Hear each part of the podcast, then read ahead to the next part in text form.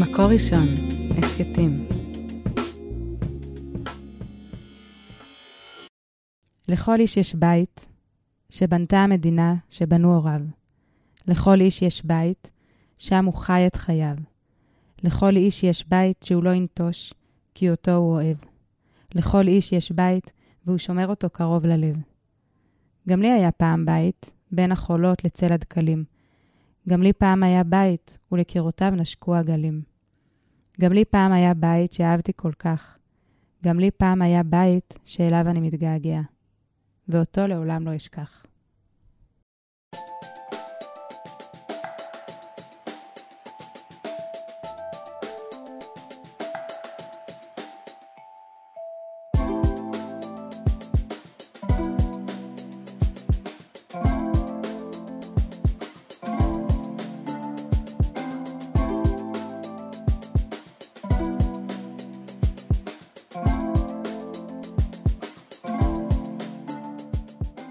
כתום לא דוהה.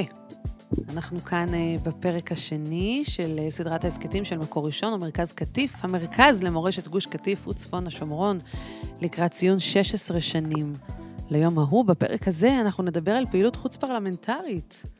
יעל שבח, היית, את רואה את עצמך כפעילה חוץ-פרלמנטרית? את יודעת שאת כמעט שם, בהתחשב בכמות הציוצים שלך בטוויטר? לא, לא, לא, לא, רגע, שנייה, אני ממש לא חושבת שאני שם. אני כרגע מצייצת, את יודעת, מה שנקרא מהמגירה. אני מרגישה שאני עוד נורא נורא צעירה בתוך התחום הזה, אבל, אבל מבחינתי, אני כאילו, כשאני שומעת את המילה פרלמנטרית, היא כל כך גדולה מצד אחד, מצד שני, אני כל כך מתחברת לכל מה ש... כאילו, הרי פרלמנטרית בסוף זה שפה, זה דיבור. ואנחנו שם, זאת אומרת, זה מה שאנחנו עושים כבר תקופה מספיק ארוכה, מאז הגירוש בעצם. אנחנו כל כך עסוקים בלדבר את עצמנו, לדבר אותנו, בלי נכון. הפסקה. אז זה נכון. אז אני מוריה קור, ואיתנו עכשיו אה, מנכ"ל פורום קהלת, מאיר רובין. שלום, מאיר. שלום לכם. אתה נולדת בנווה דקלים, נכון? בגוש קטיף? הילדות שלך. פיזית נולדתי בשערי צדק בירושלים, אבל גדלתי בנווה דקלים מגיל אפס בעצם. וואו, סחטיין. ובזמן ה... לא יודעת אם בזמן הגירוש, אבל כתוצאה בעצם מהגירוש, אה, הגעת לפורום קהלת, וכתוצאה מהגירוש אתה עוסק בעניינים חוץ-פרלמנטריים. נכון. זאת הייתה דרך טיפה יותר ארוכה, כי ההורים שלי בעצם התחילו בימית בסיני, והם אה, פונו משם, והיו מהמייסדים של נווה דקלים. אה, ובילדות באמת חלמתי להיות אדריכל, אני אוהב אמנות. בזמן ההתנתקות הייתי לוחם בגצר של גבעתי, והייתי כבר אחרי קורס מ"כים אה, מוקדם, ואמור לצאת לקצינים ממש מהר. אה, ואז דיברו על זה שהקצינים יהיו קו ראשון בגירוש, אז דחיתי את היציאה, ואז גם דחו את ההתנתקות. ובעצם המחזור הבא היה מיועד להיות קו ראשון בגירוש, אז לא יצאתי לקצינים, ובמקום החלום אה, להישאר בצבא עד בערך תפקיד מ"פ, ואז ללכת ללמוד אדריכלות, כשהשתחררתי מהצבא, הלכתי, עשיתי חשבון בעצם מה המקצועות שיאפשרו לי להשפיע הכי הרבה. והלכתי ללמוד משפטים וכלכלה באוניברסיטה העברית. אה, זה עבד ממש טוב, כי מהר מאוד מצאתי את עצמי בלשכה של חבר הכנסת זאב אלקין, בתור מתנדב. אה, ובעצם טיפלתי בכל הנושאים של המפונים. אה, אלקין ירש את המפונים בערימה הגדולה של ארגזים מאביגדור יצחקי ואורי אריאל. אני מאוד מקווה שטעויות כאלו לא יקרו, כי על טעויות מהסוג הזה משלמים מחיר אלפי תושבי גוש קטיף.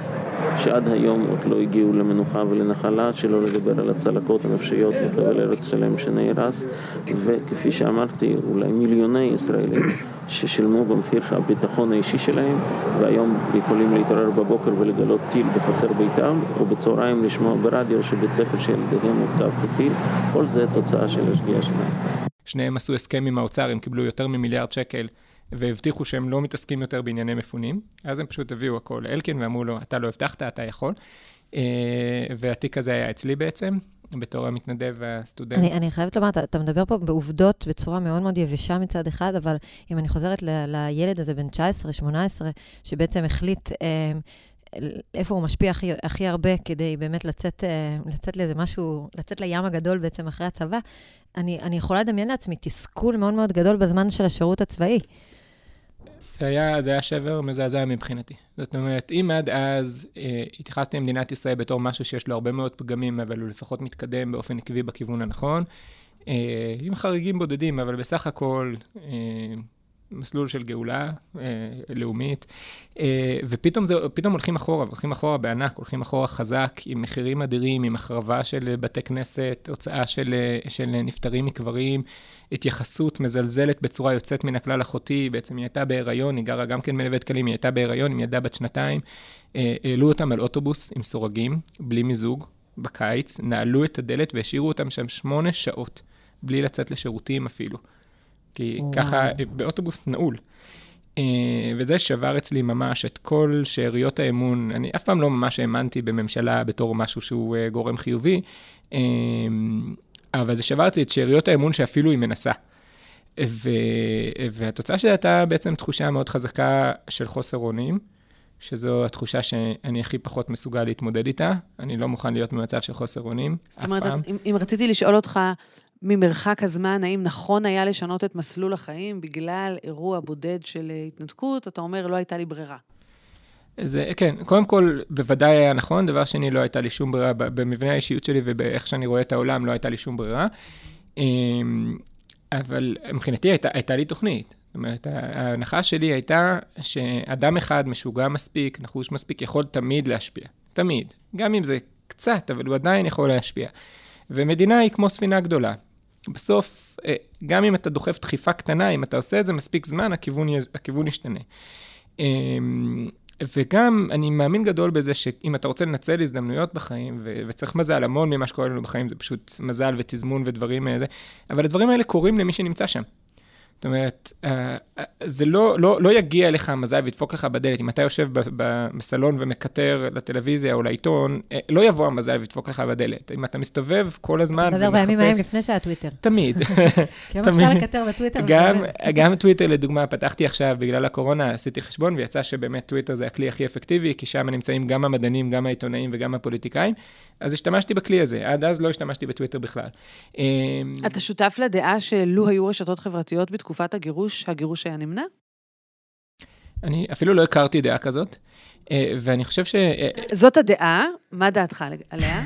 אה, אין לי, אין לי מושג, ואני חושב שלנסות לשנות, אי אפשר לשנות דבר אחד. לנסות לשנות רק משהו אחד בדיעבד ולהגיד, ואז היה קורה כך או כך, זה באמת, זה לא רציני. הרי תארו לכם, אם היו רשתות חברתיות, אה, וכל המיקוד של אה, אריק שרון היה לדוגמה אה, להיות חזק ברשתות החברתיות, כמו שלדוגמה עושה בנימין נתניהו, אולי גם כן דברים היו נראים אחרת לצד השני בכלל. זאת אומרת, בסוף, זה כמו אנשים שאומרים על הבחירות בארצות הברית, אם היו משנים שם את השיטה לשיטה ש... אחרת, של ואז, הקולות והזה, אז, אז ההוא היה נבחר נשיא. אבל אם היו משנים את השיטה, כל הקמפיין היה נראה אחרת, כל סדרי העדיפויות היו נראים אחרת.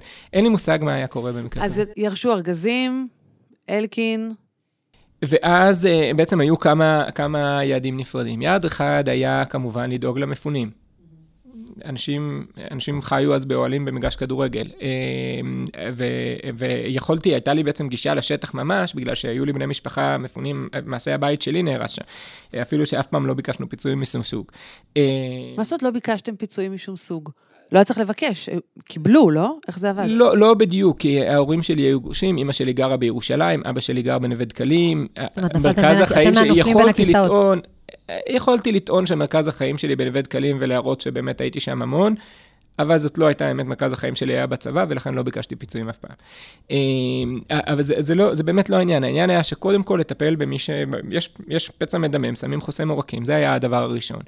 אה, יעד נוסף היה להעלות כמה שאפשר את המחיר של הגירוש. כי אז דיברו על הכל במכפלות של אם בגוש קטיף היו כך וכך משפחות ועלה לנו כך וכך, אז ביהודה ושומרון, אם לפנות כך וזה יעלה אחרת. ורציתי שזה יעלה כמה שיותר. זה היה יעד נוסף. אה, ויעד אה, אחר היה ברור של העניין לעומק. זאת אומרת, לייצר איזשהו מנגנון של הפקת לקחים. אה, ובאמת, אה, חבר הכנסת אלקין, היכולת הפוליטית שלו אה, היא, היא יוצאת מן הכלל. היא באמת, היא בליגה העליונה שקיימת בכלל, והאכפתיות שלו היא יוצאת, יוצאת דופן. זאת אומרת, בא אדם שאין לו, לא היה לו הרבה מה להרוויח מלטפל במפונים מגוש קטיף, זה לא היה נושא שחשוב או מעניין בקואליציה, הוא היה אז חבר כנסת בקדימה בכלל. והוא מסר את הנפש, באמת, הוא היה משקיע בזה, את עיקר הזמן שלו בכנסת היה מושקע בזה, ו- וכמעט רק בזה. זאת אומרת, כמעט כל החקיקה שלו הייתה שם, כמעט כל הזמן שלו היה מוקדש לזה. כמה השפעה ו- הייתה לך על, על המהלכים האלה? מאוד, מאוד גדולה בתור, בתור העוזר של זאב. זאת אומרת, זאב מבחינתו, כל דבר שהוא יכל לא לעשות כדי שהוא יתעסק בדברים הבאים, אז הוא היה מעביר אליי, אבל בסוף לא היה לי שבריר מהניסיון ומהידע הפוליטי שיש לו. למעשה, כמעט כל מה שאני יודע על פוליטיקה למדתי ממנו. וזה היה, זה היה, מאוד, זה היה מאוד מאתגר ומאוד מעניין, וכל פעם שהוא הרגיש שאני יכול להוביל משהו, פשוט שלח אותי והתקדם הלאה לאתגר הבא, אה, והתוצאה הייתה סדרה של חוקים שעברו ובאמת שיפרו את הפיצוי למפונים ועשו כל מיני דברים אחרים, אה, וגם ועדת חקירה ממלכתית שקמה אה, לבחינת הטיפול של המדינה במפונים, לא להתנתקות עצמה. כי לזה הייתה התנגדות פוליטית חזקה מדי, וזאב, כמו זאב, ידע, ידע להגיע בדיוק לנקודה של המקסימום ושם לחתוך. והתחושה הייתה תחושה של, אה, של, של כאב מאוד גדול. גם, שוב, היה אז על הפרק אה, תוכנית של התכנסות ביהודה ושומרון, והתחושה הייתה שה, שהמלחמה היא לא על העבר, אלא היא על העתיד. זאת אומרת שאנחנו מנסים פה אה, גם לגבות מחיר, גם לצרוב תודעה, גם לנסות אולי לחנך את הציבור שדבר כזה הוא בלתי נתפס, שאסור שהוא יקרה שוב. אמ, ואז איך בעצם בכלים פרלמנטריים, אתה אומר שמיציתם את הכלים הפרלמנטריים, נכון? לפי התיאור שלך. תראי, אה, אני חושב שלומר למצות את הכלים הפרלמנטריים זה, זה מוגזם, תמיד יש עוד. העניין הוא, אני חושב שכן זאב הצליח להגיע לנקודה שבה אמ, העלות תועלת הייתה באמת הטובה ביותר. זאת אומרת, שמה שיכולת לקבל אם היית משקיע עוד היה מקסימלי. אה, אמ, באיזה, כיוון, באיזה כיוון חתכת לכלים חוץ-פרלמנטריים? אה, אז שלב? בעצם אני, אה, השנתיים הראשונות, אה, אם אני כן עוד הייתי שנה, שנה ב' וג' בלימודי משפטים וכלכלה בעברית, והתנדבתי. כל מה שעשיתי עם אלקין היה בהתנדבות מלאה. עבדתי, אני עובד מגיל 14, אני מפרנס את עצמי מגיל 14, עבדתי במקביל בכמה עבודות, בעצם עבדתי בלילות והתנדבתי בכנסת בימים, ולמדתי כשהייתה הזדמנות. וזאב כל הזמן, הוא ביקש ממני לבוא לעבוד איתו. אה, ובאתי לעבוד איתו בעצם רק כשהוא עבר לליכוד ונהיה יו"ר הסיעה ויו"ר הקואליציה, ואז באתי להיות אה, אה, מנהל החקיקה של הליכוד. רוצה שאני אהיה היועץ המשפטי של הסיעה, ואמרתי לו, הנה יצאה משפטית ראשונה, אני לא עורך דין, אני לא יכול להיות יועץ משפטי. עד היום קוראים לתפקיד הזה מנהל חקיקה. בגלל, בגלל שאני הייתי הראשון, אני, כן, ולא הייתי עורך דין. אמ, ובעצם, אה, אה, אחרי, אחרי עוד שנתיים שם, אני התחייבתי למשרד עורכי דין בתל אביב, אה, גורניצקי, שאני אעשה התמחות אצלם. באותה תקופה, היום יש מגבלות שסטודנטים למשפטים, הם יכולים לסגור התמחות רק בשנים מתקדמות מאוד, ואז לא היו. בעצם בסוף שנה א', הם כבר סגרו איתי שאני מתמחה אצלם אחרי, אחרי ארבע שנים. אה, אז קיבלתי את ההתחייבות, הגעתי ועשיתי התמחות אצלם, אה, וחשבתי שאני אחזור בצורה כזו או אחרת לכיוון, אה, לאזור החיוג של הכנסת, או שאני אעשה קצת עסקים לפני כן, ואז, ואז עם, עם גב כלכלי אני, אני אחזור גם כן. ואז באה ההצעה בעצם להצטרף לארגון חדש, שעוד לא ממש קם, הייתה רק התחייבות של תורם שהוא ייתן מיליון דולר בשנה לשלוש שנים. פורום קהלת למעשה. אמ, ואז שאלתי, אוקיי, אז מי, מי הצוות? לא ממש היה, היו עוד, הייתה רשימה של עוד חמישה אנשים. מי פנה אליך? אה, אותו תורם אה, כאילו אה, בעצם? לא, פנו אליי דוקטור אביעד בקשי, שהוא עכשיו, הוא עובד בפורום קהלת מהקמתו, הוא עדיין ראש המחלקה המשפטית בקהלת, ופרופסור משה קופל, שהוא יו"ר פורום קהלת. אגב, מכל, מעולם כמעט לא עזבו בכירים את פורום קהלת. זאת אומרת, הפורום מתחיל שישה אנשים, או היום בערך 140 איש. Uh, היחידים שעזבו, uh, מיקי איתן, כי הוא הזדקן מאוד, uh, בחור שקיבל קביעות פרופסורה בהרצליה, ופשוט ראה שהוא לא יכול ללכת על הקו, וצביקה האוזר, כי הוא נבחר לכנסת. כל יתר הבכירים בפורום הם רק מצטרפים, אף אחד לא עוזב אף פעם. ובעצם אתה אומר שהארגונים החוץ-פרלמנטריים, בראשם פורום קהלת, ההתנתקות הייתה קטליזטור להקמתם? אני, אני יודע על עצמי אישית שאם לא, לא ההתנתקות, אה, כמעט בוודאות הייתי אדריכל עכשיו. זה מה שעניין אותי. אבל ואתה מסתכל על הסביבה שאיתם אתה עובד. גם הם? אני מסתכל ואני חושב, גם לדוגמה, אה, פרופסור קופל, אני חושב שהוא שינה כיוון אה, והתחיל להתנדב במכון לאסטרטגיה ציונית אחרי ההתנתקות, וגם, זאת אומרת, וגם אחרים... שאבתם השראה בעצם ממה שקרה שם. בוודאי, אני, אני חושב, אני חושב שהציונות שה, הדתית, או ציונים דתיים לשעבר, או עם כל הפריפריה של זה, הם, הם בפוסט-טראומה מאוד מאוד מאוד רצינית לגבי, לגבי הגירוש מגוש קטיף. כי מה? כי, כי הפעילות בכנסת לא מספיקה? חייבים גב חוץ-פרלמנטרי? אני לא חושב שמישהו יסתכל על זה ככה, אלא יותר פשוט תחושה של חוסר אונים אה, גורף ומשמעותי, והבנה שאי אפשר להתנהל ככה בעוד דונם ועוד עז בנישה ש- שלך. אבל כשאתה מדבר, אז זה נשמע שבעצם אתה הולך לישון עם גוש קטיף וקם עם גוש קטיף. זאת אומרת, גם אתה קם, אתה אומר לשם ייחוד כזה, שזה לא יקרה שוב. מין תחושה כזאת שאנחנו, כמו שאתה אומר, פוסט-טראומה, אבל זה משהו שבאמת מלווה אותך פרקטית, וזה נשמע שככה אני זה... אחדד יותר, מה שמחריד אותי זה לא רעיון ששוב יגורשו יהודים מבתיהם, אלא הרעיון ש, של חוסר האונים. עכשיו, צריך, צריך שנייה להבין פה משהו.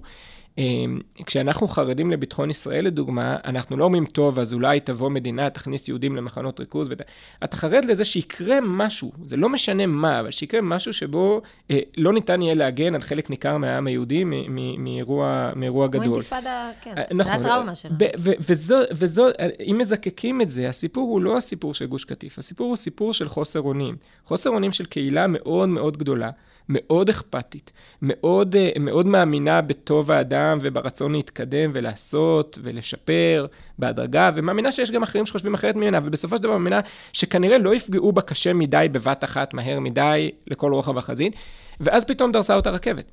והאירוע הזה, התחושה הזו שאתה לא יכול לסמוך בעצם על העשייה שלך, בקהילות שלך ובמקום שלך, לא משנה כמה היא טובה ונפלאה, היה, זאת הטראומה המעצבת, ובעיניי, זה, וזה זה נכון אבל גם להרבה תחומים אחרים, ברגע שמישהו מרגיש חוסר אונים בהקשר מסוים, הוא נזהר מזה בכל הקשר.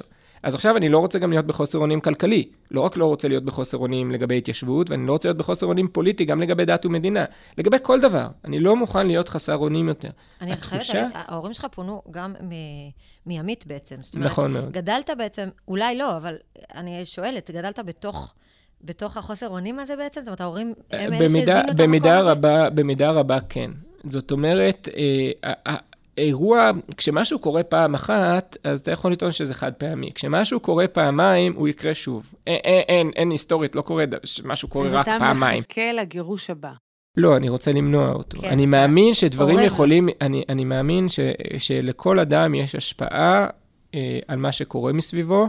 וככל שהוא ית, יתאמץ יותר, כש, בזמנו כש, כשהתנדבתי עם אלקין בכנסת, אז הוא היה מציג אותי בתור השמן על הגלגלים. הוא, מס, הוא מסובב את הידית עם הכישרון הפוליטי שלו וזה, ואני רץ ממקום למקום ומדבר עם אנשים, תעלו את זה לראש הרשימה, תנסו לדחוף את זה. חילקתי שם שוקולד בלשכה המשפטית של הכנסת, הייתי מאוד פופולרי, ו, ובאמת החוקים עברו, כי לפעמים הספקנו על הדקה בזכות שוקולד. מה הדרך למנוע את ההתנתקות הבאה? ערכים. ערכים? ערכים. איך? מה ערכים? שוקולד אמרת לפני רגע, מה הקשר לא. לשוקולד? שוקולד זה ערכים תזונתיים. לא, נכון. תבדילו, תבדילו בין טקטיקה לאסטרטגיה. ברמה הטקטית, אתה צריך להכיר את התחום שלך, אתה צריך להיות אה, אה, הכי מומחה, הכי מעמיק, להכיר את האנשים, להכיר את התהליכים, להכיר את, ה, את, ה, את הקצב, לזהות את ההזדמנויות. זה ברמה, זה ברמה הטקטית. ברמה האסטרטגית אין תחליף לערכים. שום דבר, שום דבר, לא יגן על העם בישראל טוב יותר מנבחרי ציבור ערכיים שאכפת להם. זה בעיניי, זו, זו שכבת המגן. ותנועות חוץ פרלמנטריות יחדירו ערכים לחברי כנסת? אני חושב ש... אני חושב שכן. אני חושב שזה בדיוק התפקיד שלהם. זו שרשרת המזון. זה, זה בדיוק התפקיד שלהם, וגם, צריך להבין משהו. בסוף אנשים, אה, אה, הם כמו אבן, אבל אבן היא נשחקת. אם זורמים עליה זרמים מכיוונים כאלה ואחרים מספיק זמן, היא נשחקת. אה, אם לדוגמה אה, דוקטורנט אה, ציוני, לאומי, זה צריך לקבל מלגה מאיזשהו ארגון שמאל די קיצוני, והוא יושב שם ארבע שנים, והוא אוכל מהאוכל שלהם ושותה את המים שלהם ושומע את הרעיונות שלהם, קשה לו לומר לעצמו, אני פה רק בשביל הכסף. זה כמו שלא תמצאו קומיית פרופסורים שוחרי חירות. למה? כי פרופסור בהגדרה הוא יושב, כי כל המוסדות האוניברסיטאיים בישראל הם, הם, הם ממשלתיים או, או נשענים בצורה, על סבסוד מאוד משמעותי, ויושב אדם עם קביעות על סבסוד ממשלתי, הוא לא יכול להיות שוחר חירות ככה, זה לא עובד, בסדר? זה כאילו משקר לעצמו. אה, ולכן הם מעדיפים לא לשקר לעצמם, אז הם אומרים, טוב, אז אלה באמת הדעות שלי, ככה אני חושב שאנשים צריכים לחיות, תלויים בממשלה, הם שעובדים על זה. ואני חושב שהרבה יותר קל להיות ערכי ולשמור ולחזק את הערכים שלך, כשיש לך טיעונים מאוד טובים שמסבירים איך לעשות, מה לעשות, מתי לעשות. יש לך גב, אתה יכול לדמיין מסלול חיים שלם אה, מהגן ועד, אה, ועד השיא של, ה, אה, של התפקידים הכי חשובים בפוליטיקה, שבכולו אתה לא צריך בשום, רגע, באף רגע להתפשר על הערכים שלך, זה מאפשר לך, זה מאפשר לך להיות אמיתי עם עצמך. אבל בסוף, ברמת ההשפעה והחקיקה והביצוע, וה, אז כן דרושה פה איזושהי... אה, אה, זרוע מבצעת. כי אתה יכול לחלק שוקולדים או לא, להסתובב, להיות לוביסט על מלא אה, בר, ברחבת הכנסת, אבל אם אין לך את האחד על אחד עם, עם אלקין, או עם, עם האנשים שאתה, שאתה איש אמונם, או שסומכים עליך, או שאתה סומך עליהם, וכן, כאן כן צריך להיות איפוס מסוים ברמת הערכים.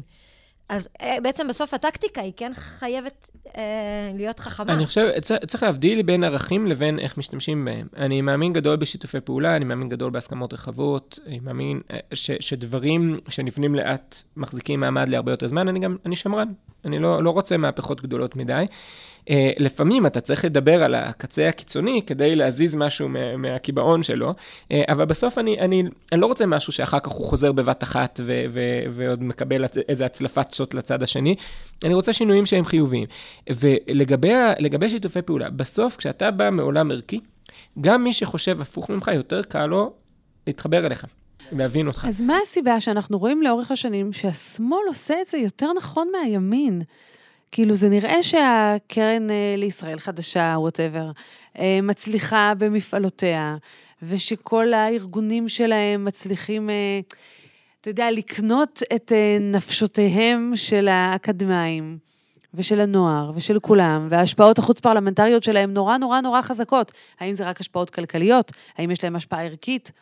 איכשהו הימין חלש בזירה הזאת. אני, אני חייבת כאילו להגיד שאני לא מרגישה את זה כמוך. זאת אומרת, בתחושה שלי, הם מצליחים אמנם, אבל יש גם לנו, אני חושבת שלפורום קהלת יש הצלחות לא קטנות, גם לרגע, לתנועות רגבים.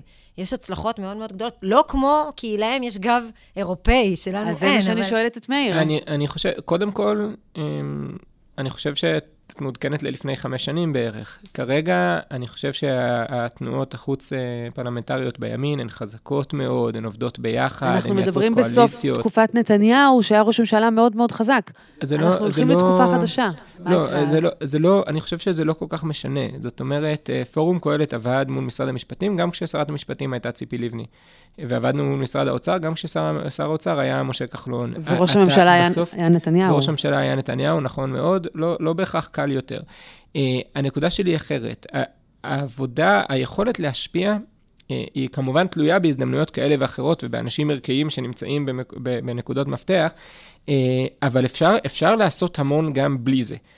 להגיע מוכנים להזדמנות, וברגע שיש אותה, אז להסתער בכל הכוח ולנצח. אה, אני חושב שהימין כרגע מנצח. הארגונים החוץ-פרלמנטריים בימין אה, כרגע עובדים הרבה יותר טוב מהמקבילות שלהם בשמאל. הרבה, אה, זה ארגונים הרבה יותר ערכיים, הרבה יותר נחושים, הרבה יותר עם סכין בין השיניים, הם משתפים פעולה ברמה הרבה יותר קרובה וטובה.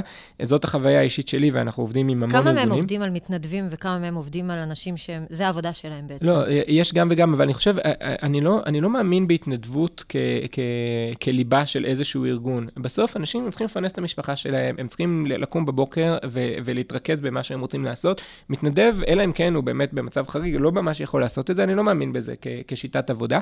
Uh, כמובן שארגון, לדוגמה, כמו אם תרצו, שהוא עובד הרבה עם סטודנטים ועם צעירים, אז שם מאוד מאוד מתאים ש, שיהיו המוני מתנדבים, נורא מתאים. או רגבים ברמת השטח, אה, נורא מתאים. ארגון כמו קהלת, שיכול להרשות לעצמו לשלם משכורות, אנחנו, אה, אה, כמעט כל המתנדבים אצלנו הם פשוט מתנדבים מחו"ל, כי אסור לשלם להם משכורת. אנחנו לא, מי, ש, מי שמתאים ויכול לתרום לדיון, אנחנו נשלם לו. ולגבי הזה, אני חושב שהשמאל מנסה דווקא עכשיו לחקות את הימין.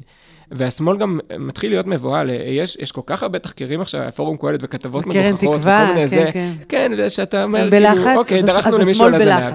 שאתה. דרכנו למישהו על הזנב. אמ, וה, ולגבי הזה, תראי, אמ, יש לשמאל...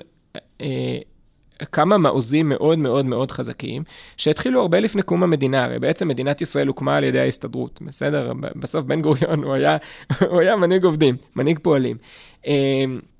לוקח הרבה מאוד זמן לשנות את הדברים האלה. אם תסתכלו על האקדמיה, לדוגמה, זה מועדון חברים סגור, שמחליט את מי הוא מצרף אליו. עכשיו, אם בנקודת הפתיחה 98% מהחברים במועדון הם אנשי שמאל גלויים ו-2% הם אנשי ימין בארון, זה לא ישתנה אחרי 70 שנה מעצמו. צריך לעשות משהו מאוד דרמטי כדי שמנגנון כזה ישתנה. אז נכון שפה ושם פלשו אנשים שהם אה, אפילו ימין, פלשו וקיבלו אה, אה, קביעות בתור פרופסורים בתחום כזה או אחר. הם היו פי חמש ופי עשר יותר טובים מהמקבילים שלהם משמאל, פשוט אי אפשר היה לנפנף אותם יותר. אה, זה, זאת המציאות, או שהיו צריכים אותם בשביל דברים כאלה ואחרים. אבל אתה אומר שכדי שימני ייכנס, הוא צריך להיות פי חמש או פי עשר טוב יותר מהמקבילה השמאלנית. ואולי אפילו יותר. עדיין? מסתכל... אנחנו עדיין, עדיין, עדיין, עדיין. בדיוק אותו דבר, זאת אומרת, לא היה איזה תמורה? לא, יש, יש שינוי לטובה, אבל הוא מאוד מאוד מאוד איטי. תחשבי ששוב, אתה צריך לשכנע רוב של אנשי שמאל מובהקים, קיצוניים. לצרף מישהו שאיננו דומה להם לתוך מועדון סגור, כשאף אחד לא מתערב בזה, הרי זו החלטה של הפרופסור. או בית המשפט העליון, הרי השופטי העליון החזיקו בווטו על מינוי, הם, למעשה עד היום הם מחזיקים בווטו על מינוי שופטים לעליון. אפילו אחרי השינוי של אה, גדעון סער, שנתן בעצם וטו לנבחרי הציבור בוועדה, הוא בעצם נתן גם וטו מקביל לשופטי העליון בוועדה. צריך רוב של שבעה מתשעה, ולשופטי העליון יש שלושה, ומשום מה נס, הפלא ופלא, הם תמיד מצביעים ביחד. הרי אסור להם, אה, משפטית, אסור, אסור לאדם שחבר בוועדה החלטה כזו להתפרק משיקול הדעת שלו. זאת אומרת, הוא חייב להחליט לבד. אבל עצמאות שיקול הדעת. שלו. סטטיסטית, הסיכוי שהשופטים מחליטים לבד, אבל מקום המדינה הם תמיד תמיד מצביעים ביחד, הוא אפס, אוקיי? אז הם, הם לא שומעים על החוק. ומאוד קשה, זה, זה אלה מאחזים שמאוד מאוד קשה לפרק אותם. אה, זה ייקח הרבה זמן. אנחנו יושבים פה אבל במקור ראשון. איזה עיתון אה, שהוקם על ידי כמה ימנים קיצוניים בזמנו, אה, ועבר מאז אה, כמה זה, והוא הידרדר, הוא עכשיו, הוא עכשיו, הוא עכשיו ימין מרכז עדין, אבל עדיין, זה, זה משהו שלא היה פה לפני, לפני 20 שנה. במקור ראשון הקים הרב טל, לדעתי. נכון? אני לא יודעת, אני... אני חושב שכן, תבדקו. הכל חוזר לגוש קטיף. תגיד, מי, איזה עוד אנשים שותפים איתך לדרך? איזה עוד גופים חוץ-פרלמנטריים, זולת פורום קהלת, קרן תקווה, אם תרצו שהזכרנו, אתה מזהה אותם כ... חוד, חנית במאבק המון, המון, המון. יש לדוגמה את ארגון NGO Monitor, שעבדתי איתו עוד הרבה לפני שהוקם פורום קהלת. למעשה, פרופסור קופל, יו"ר קהלת ואני הכרנו, כי הוא התנדב ב-NGO Monitor, והם קידמו חוק אה, לחובת אה, גילוי על מי שנתמך על ידי ישות מדינית זרה, בעצם אה, אה, מדינות שמתערבות בדיפלומטיה הישראלית, אבל באמצעות כסף אה, ישר לארגונים. אה, והחוק הזה עבר, כמובן אלקין העביר אותו, אה, וככה קופל, פרופסור קופל ואני הכרנו. אה, ויש יש תנועת רגבים שעושה עבודה מדהימה, אה, ויש לדוגמה את ארגון לביא, שהוא מקבילה ציונית לאומית לתנועה לאיכות השלטון, ויש את, את האינטרס שלנו, שזה גוף, גוף לובי אזרחי, בעצם לובי לתועלת הציבור, וממש המון המון המון ארגונים, יש אקו סיסטם שלם של ארגונים. לא מזמן הייתי באירוע של תורם שנשמע, מיירון צימרמן. יהודי מדהים מארצות הברית, אה, משקיע נדל"ן גדול, שהוא פשוט, הוא, הוא, הוא משקיע, תורם לארגונים מהכיס שלו, אה, הוא עוזר בערך ל-50 ארגונים בארץ. והיה אולם מלא, הביאו עד שני נציגים מכל ארגון, והיינו, נפגשנו ביקב פסגות, והאולם היה מלא. אוקיי? וכולם ב... בעצם שייכים לפורומים כאלה ואחרים? וכולם. כולם עובדים ביחד, אני הכרתי שם כמעט את כולם, אנחנו עובדים ביחד ביום-יום. אז יש, יש איזשהו, אה, לא יודעת, סימביוזה בין כולכם? אתם עובדים ביחד? בטח, יש, יש, אני, אני, לא, אני מתפלא שזה לא גלוי מבחוץ, אבל יש אקו-סיסטם אה, ימני, לאומי, מאוד מאוד חזק, מאוד מאוד בריא, מאוד מאוד נעים. אה, יש לנו דוגמה, פורום לחברה אזרחית. יש לנו פורום לחברה אזרחית בפורום קהלת, מעבירים הכשרות לארגונים אחרים, אנחנו מגיעים לאלפי אנשים בשנה שכולם פעילים בארגוני חברה אזרחית. אמ, חלק מהם לא באזור החיוג של פורום קהלת, אבל זה נגיד עשרה אחוזים. אז אומר שאנחנו מגיעים לאלפי מתנדבים ו- ועובדים בארגוני חברה אזרחית שהם ימין מרכז. יש המון, המון. איך זה בא לידי ביטוי? אה, אני, אני, אני מנסה להיזכר מתי הפעם האחרונה שפורום קהלת עשה משהו, משהו אה, לאומי לבד. כמעט תמיד זה קואליציה של כמה ארגונים. קואליציית הארגונים הזאת ניסתה למשל, שתתכונן כעת ממשלת ימין מוחלטת. ניסיתם שמפלגת תקווה חדשה, יחד עם ימינה, יחברו לליכוד ותהיה ממשלה ימנית שמבוססת על רוב של 75 מנדטים נגיד? עשיתם ניסוי כזה? 65, אני חושב. ווטאבר. אבל, את יודעת, עשרה לפה, עשרה לשם. ממשלת ימין שבה חברים גם גדעון סער, גם נפתלי בנט וגם בנימין נתניהו? אה, כי אני בטוחה שלמנוע התנתקות זה יותר קשה מלכונן ממשלת ימין. אז השאלה אם במדרגה הקטנה הזאת ניסיתם להצליח. אני אדבר בשם פורום קהלת, לא בשם ארגונים אחרים. אה, אנחנו לא מתערבים בפוליטיקה מהסוג הזה. זאת אומרת, הפורום יכול להמליץ לנבחרי ציבור על תזמון לקדם מהלך אסטרטגי או, טקטי מסוים, על אה, זה, איך צריכה להיראות תוכנית העבודה שלהם, אה, מי לדוגמה אולי יוכלו לעבוד איתם בצורה הטובה ביותר, איזה חבר כנסת כדאי להחתים יחד איתך על הצעה, או, או איך צריכה להיראות זאת לא מתערבים בעניינים פוליטיים? אבל אנחנו לא, כשמדובר בפוליטיקה טהורה... כשאתה מדבר על, על זה שיש אה, סכנה מגירוש נוסף, כי אתה, בחיים שלך הידרדרת מגירוש לגירוש לסכנת גירוש נוספת, ומדברים על תנועות חוץ-פרלמנטריות שהכוונה היא שתשפענה על הפרלמנטריזם. אני אסביר. יש, יש, את ה, יש את הארגון, ויש את מה שעושים אנשים פרטיים בזמנם החופשי. פרופסור קופל, יו"ר פורום קהלת, הוא חבר מרכז ליכוד. אוקיי. כבר המון שנים. Mm-hmm. יש לו קבוצה גדולה של מצביעי ליכוד בגוש עציון. זה נורא נחמד, יש לנו עוד כמה חברי מרכז ליכוד בקהלת, אז כאילו הממשלה הנוכחית לא, לא מסוכנת בעיניכם לא, כדי לא, להשפיע לא, לא, זה לא מה שאמרתי, הנקודה שלי היא אחרת. פורום קהלת כארגון ברמה הארגונית, לא מקדם אנשים לתפקידים uh, ציבוריים, לא מתעסק בפוליטיקה טהורה, פשוט לא עושה את זה. עכשיו, אם נבחר ציבור בא ואומר לנו, אני מתכנן מהלך אסטרטגי לאומי כזה וכזה, וצריך תוכנית, אנחנו נעזור לו לכתוב את התוכנית ולנסח אותה, ולחשוב איך הוא עומד על הבמה ומה הוא מעביר, ואיך הוא מעביר את המסר, ונעזור להם לכתוב נאומים ומאמרי דעה, וציוצים ופוסטים וחוקים והחלטות, הצעות מחליטים וכל דבר אחר. כשבא מישהו. והשאלה היא, האם אני מקים את הממשלה עם ההוא או עם הזה, אם מישהו מפורום קהלת ייתן עצה, זה בכובע הפרטי שלו. יש לי חברים בפוליטיקה ואני מדבר איתם, אבל זה לא משהו, זה לא עצה מפורום קהלת. אז רגע, אז עכשיו, אני רוצה שאלת המשך. אז עכשיו שקמה, עומדת לקום ממשלה שהיא לא תואמת את ערכי הימין בכלל, או 90 אחוז לא, האם יש לפורום קהלת איזושהי, איזשהו, איזושהי השפעה, איזשהו ניסיון להשפיע על, על מהלכים שיבואו, זאת אומרת, ל, ל, לא יודעת מה, למגר תופעות, לפרק מוקשים, ל, ל, לייצר איזשהו שביל בטוח שבו בעצם הימין יוכל לצעוד. למרות הממשלה הזאת. בוודאי. אנחנו למעשה, אמ, חלק ניכר ממה שהפורום עושה בכמעט עשר השנים שהוא קיים, אה, זה לנסות לנטרל מוקשים, להוריד דברים, לעצור אותם לפני ש... לעצור דברים רעים לפני שהם קורים, ולייצר תוכניות עבודה טובות שאפשר להעביר בהסכמה רחבה. מבחינת הפורום, אנחנו לוקחים את המצב הפוליטי כנתון. אוקיי? אנחנו לא, זה, זה, כן. זה מחוץ למודל, אנחנו לא מתעסקים בזה. בתוך המצב הפוליטי הנתון, אחרי שהוחלט מי שר הפנים ומי שר המשפטים ומי הזה, אנחנו מתחילים. יכולים לבוא, ל, אנחנו בהחלט יכולים לבוא לפוליטיקאי, ולומר לו, השר ההוא, אלה הדברים שערכית אנחנו רוצים לקדם. השר ההוא ילך נגדך, השר ההוא ילך איתך, אם תבנה את זה בצורה כזו ואחרת, אתה יכול לעקוף אותו. זה, זה, זאת עשייה שהיא פוליטית מבחינה מסוימת, אנחנו תמיד משיקים לפוליטיקה, אבל אנחנו לא מתעסקים בפוליטיקה הטהורה, אלא רק בעשייה בהינתן הפוליטיקה איך שהיא. אתה אומר, ניפגש בהתנתקות. חס ושלום. לא, לא, ממש לא. ושוב, תבדילו בין הארגון לבין מה, ש, אה, אה, מה שחברים בארגון עושים כאנשים פרטיים. בתור אנשים פרטיים, כולנו יש חברים, לכולנו יש דעות ורעיונות. אה, חלק מאנשי הצוות שלנו, נגיד, יש לנו עורכי דין שייצגו את ראש הממשלה כאנשים פרטיים. מן הסתם הם הכירו את הצוות של ראש הממשלה במסגרת העבודה בקהלת, אבל מה שהם עשו שם, הם באמת עשו כאנשים פרטיים. בסוף כל דבר שפורום קהלת עושה הוא אחריות של פרופסור קופר ושלי, אנחנו אחראים על הפורום, אנחנו חתומים על כל מה שהפורום עושה, טוב או רע. Uh, הדברים האלה לא נעשו בפורום. האם יש לי חברים ואני נותן להם uh, uh, את התובנות שלי בהקשרים כאלה ואחרים? בוודאי. האם זה קשור לזה שאני מנכ"ל פורום קהלת? לא. ממש ממש לא. אני רוצה לשאול אותך שאלה. שככה עולה לי כל הזמן כשאני מדברת עם אנשים שהם מגורשים. כמה זמן עובר מהרגע שאתה מתחיל שיחה עם בן אדם ועד שאתה בעצם אומר שגורשת מגוש קטיף?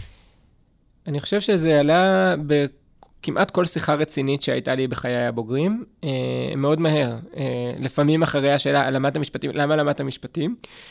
אה, ולפעמים אה, באיזשהו הקשר, אני, אני מעלה את זה כשקורה איזשהו משהו שיש לו מאפיין של חוסר אונים, ואני פשוט לוקח צער ואומר, זה לא יהיה, אסור שיקרה דבר כזה. בקורונה נגיד, הרגשת את זה? בקורונה? אה, לגמרי. זו, זאת הסיבה. למעשה הגע, הגעתי לקורונה, אני חושב, אה, מוכן יותר מכמעט כל אחד אחר, כי היה לנו פרויקט בקהלת שהמטרה שלו הייתה אה, למפות מצבים שיכולים להכניס את מדינת ישראל לחוסר אונים. אפילו לפני הקורונה אה, עשינו הוצאה מחדש של ספר שנקרא הכריש, של אה, יהודי יקר בשם מישקה בן דוד, שהיה קמ"ן חיסולים במוסד. אה, שהוא, הוא, זה ספר שמדבר על היום שבו מדינת ישראל הפסידה במלחמה מנקודת המבט של צוללת מכה שנייה. ועשינו הוצאה מיוחדת של הספר עם הקדמה מהאלוף אה, במילואים אה, בריק. ותכננו לשלוח את זה לכל הבכירים במדינת ישראל, תחשבו מה קורה באירוע שלא התכוננתם אליו. ואז הספר ישב בארגזים במשרד, כי המשרדים היו סגורים בגלל מגפה, אוקיי? אבל לפני הגירוש, לא היית מספר לאנשים שאתה מגוש קטיף, נכון? זה היה פחות בחינה? משמעותי. לא, אה, אה, אני- אה, כשיעל מבחינתי שואלת אותך הייתי- כמה זמן לוקח עד שאתה אומר לאנשים שאתה אה, מגוש קטיף. מיד, אני הייתי מאוד מאוד שמח וגאה מזה שאני מגוש קטיף. זאת אומרת, זה בכל מקרה היה פרט משמעותי בביוגרפיה. בטח, אם, אם תהיה הזדמנות אה, לבנות ליהודים, לבנות בית ב- בגוש קטיף, אני חוזר לשם מיד. זה חלום אבל מבחינתי. ולפני הגירוש, אם היינו שואלים אותך כחייל, האם אתה מתכוון לבנות את הבית שלך בגוש קטיף? חד? משמעית כן. וואו, אני אוהבת את התשובה הזאת. בטח. עד היום, זה החלום. טוב, אנחנו מסיימות כאן. תודה רבה לך, מאיר רובין, מנכ"ל פורום קהלת. תודה רבה, יעל שבח. תודה רבה, מוריה. קור. אנחנו נגיד תודה גם לאוהד רובינשטיין שהקליט אותנו ועל הסאונד פול, תודה רבה ליהודית טל שהפיקה את השידור, ולעדי שלם רבינוביץ' על העריכה. אפשר לשמוע את הפרק הזה של כתום לא דוהה. אה, ואת כל הפרקים האחרים בסדרה הזאת של מקור ראשון ומרכז קטיף, המרכז למורשת גוש קטיף וצפון השומרון. באתר מקור ראשון, חפשו שם הסכתים בסרגל למעלה, או תקלידו מקור ראשון בספוטיפיי, אפל מיוזיק וגם בגוגל. להתראות.